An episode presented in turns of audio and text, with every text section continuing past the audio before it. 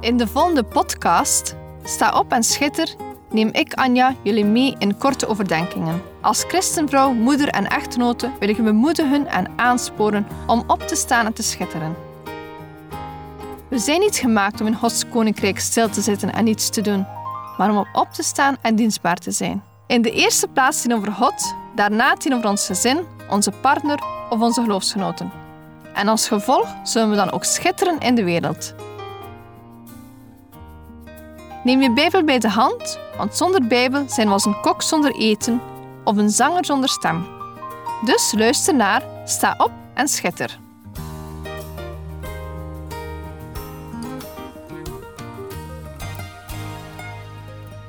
Ik neem jullie mee naar een vakantiedag van afgelopen zomer.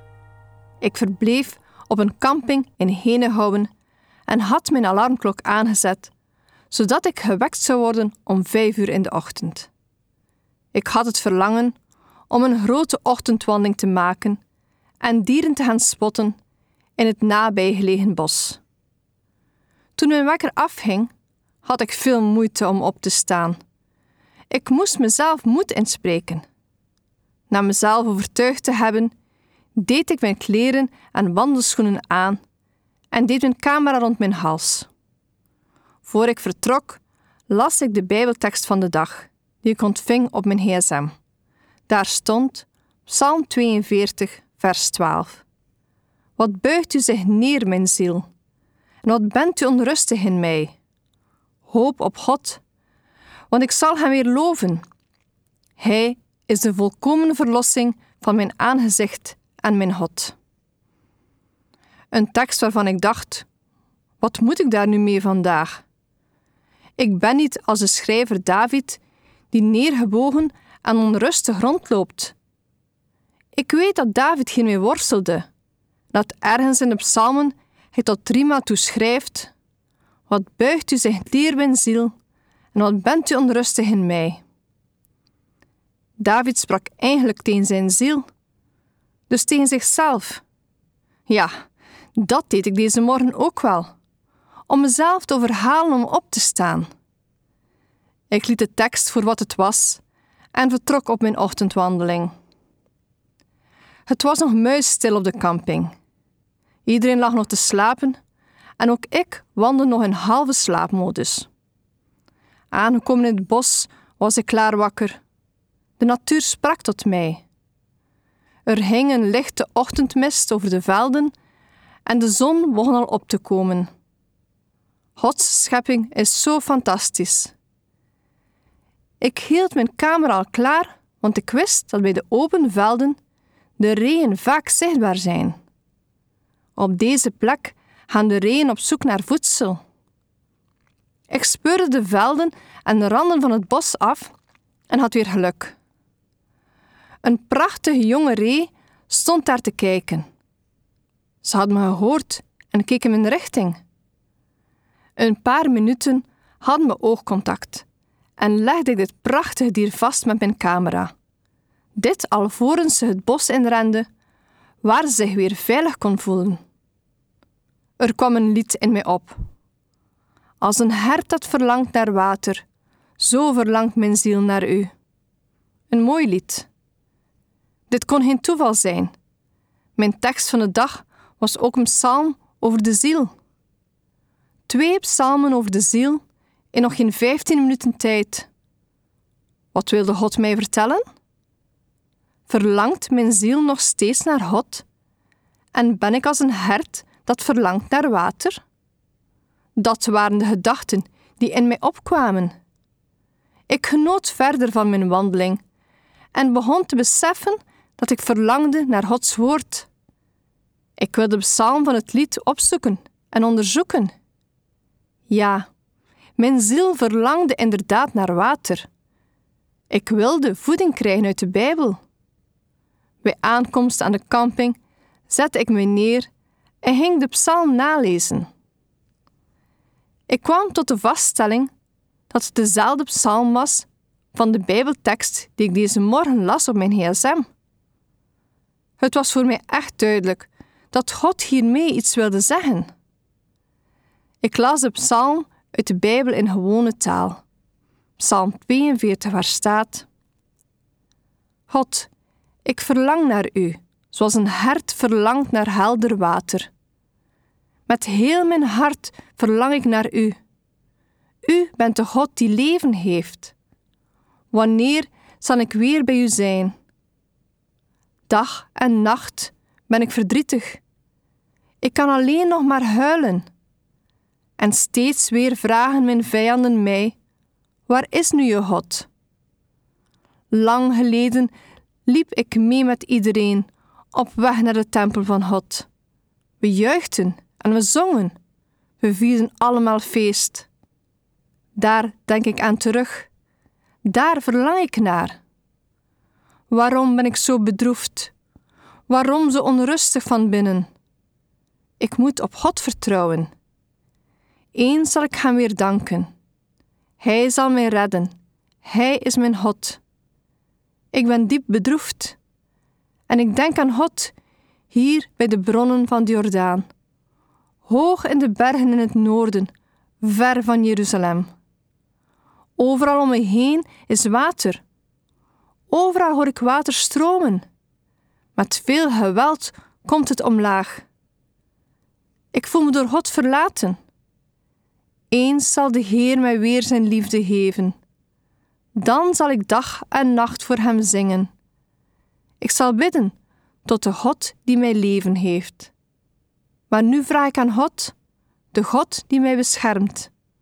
Waarom vergeet u mij? Waarom onderdrukken mijn vijanden mij en loop ik rond in sombere kleren? Mijn vijanden lachen me uit. Het doet pijn tot in mijn botten. En steeds weer zeggen ze: Waar is nu je God? Waarom ben ik zo bedroefd? Waarom zo onrustig van binnen? Ik moet op God vertrouwen. Eens zal ik Hem weer danken. Hij zal mij redden. Hij is mijn God. David riep en verlangde naar God. Het was een dringende behoefte van zijn ziel. Een absolute noodzaak, zoals water voor een hert. Ik begon het te vergelijken met een reiziger in de wildernis van wie zijn waterfles leeg was. Het was drinken of sterven. David zijn ziel, zijn diepste leven was droog. Hij had dorst en verlangde naar Gods aanwezigheid. David keek in deze psalm terug in zijn leven, naar zijn ervaringen met God, om daar hoop uit te putten. Hij dacht met heimwee terug aan de tijd dat hij was opgetrokken met Gods volk naar de tempel. Hij bekeek zijn zegeningen en vond daarin hoop. Dat is ook iets dat ik vaak doe. Wanneer God stil is, denk ik aan mijn zegeningen en dat geeft inderdaad hoop. David zei tegen zijn ziel: Ik moet op God vertrouwen. Eens zal ik hem weer danken. Hij zal me redden, hij is mijn God. Dat is het ultieme geneesmiddel: je vertrouwen op God leggen. David zei eindelijk tegen zijn neergebogen ziel: Hoop op God. Hoop wordt in de Bijbel vergeleken met een anker. Ieder schip heeft een anker om stevig vastgelegd te worden. Wij hebben ook zo'n anker die we mogen uitwerpen wanneer er stormen zijn in ons leven. Jezus heeft hoop. Het is goed om te verlangen naar water als een hert. En weet dat Jezus zegt: Als iemand dorst heeft, laat hem dan bij mij komen en drinken. Heeft je ziel dorst vandaag? Als ik opsta, begin ik mijn dag met een kopje koffie. Misschien neem jij ook wel bij de start van je dag wat thee, koffie, melk of water. We zorgen er vaak onbewust voor dat ons lichaam niet uitdroogt. Maar hoe zorgen wij voor onze ziel? Laat ons elke morgen vullen met Gods aanwezigheid. En dit door tijd door te brengen met Hem. We kunnen dit doen door onze Bijbel te lezen en te bidden. Die ochtend op de camping heb ik dit in de praktijk ervaren. Doordat ik gestart was met een Bijbeltekst te lezen, was mijn dag helemaal anders. Eén tekst die mij zo vervulde dat ik nog meer verlangde naar zijn woord. Ik besefte dat ik dorstig was. Het is oké om dorstig te zijn, maar we mogen niet dorstig blijven. Ik vond een uitspraak van John Piper die hier mooi bij aansluit. Als we niet hevig naar de heerlijkheid van God verlangen, komt het niet doordat we er genoeg van gedronken hebben. Nee, het komt doordat we zo lang aan de tafel van de wereld hebben zitten knabbelen. Onze ziel zit vol met allerlei onbenulligheden, zodat er nauwelijks plaats is voor God.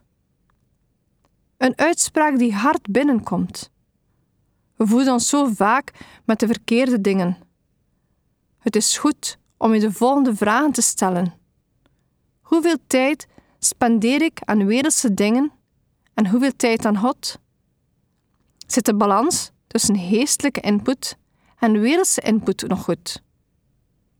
Als ik kijk naar de worstelingen van David, dan herken ik daar uiteindelijk iets in van mezelf. Ik worstel ook wel eens met God. Dan wel niet zoals David, maar wel met gelijkaardige emoties. Ook ik moet mij dan focussen op wat God in het verleden al gedaan heeft. Het is zo mooi om te weten dat als we drinken van het levende water, we zullen worden als een boom die vrucht draagt op zijn tijd. Welks loof niet verwelkt en al wat hij onderneemt zal lukken. Kijk, als je een dorstig hert bent, als je ziel verdord is en je te neergeslagen bent, kom dan tot Jezus. Kom en onthoud alle verbazingwekkende dingen die Jezus heeft gedaan. Hoe hij zonde en dood overwon aan het kruis en opstond om jou een gloednieuw leven te geven. Je leven zal verdriet en lijden hebben, maar hij zal die transformeren in rust en vreugde. Zoals een hert verlangt naar water, zo verlangt mijn ziel naar u. Ga op zoek naar het levende water en doe je Bijbel open. Zoals ik al zei, je mag dorstig zijn, maar niet dorstig blijven. God wil tot jou spreken. Sta op en schitter. Deze podcast kun je steeds opnieuw beluisteren via de website en app van twr.be. Als je deze aflevering leuk vond en je wilt de podcast helpen ondersteunen, deel hem dan met anderen. Heb je gebed nodig of wil je reageren op deze uitzending? Zend dan gerust een mailtje naar anja.twr.be. Bedankt voor het luisteren.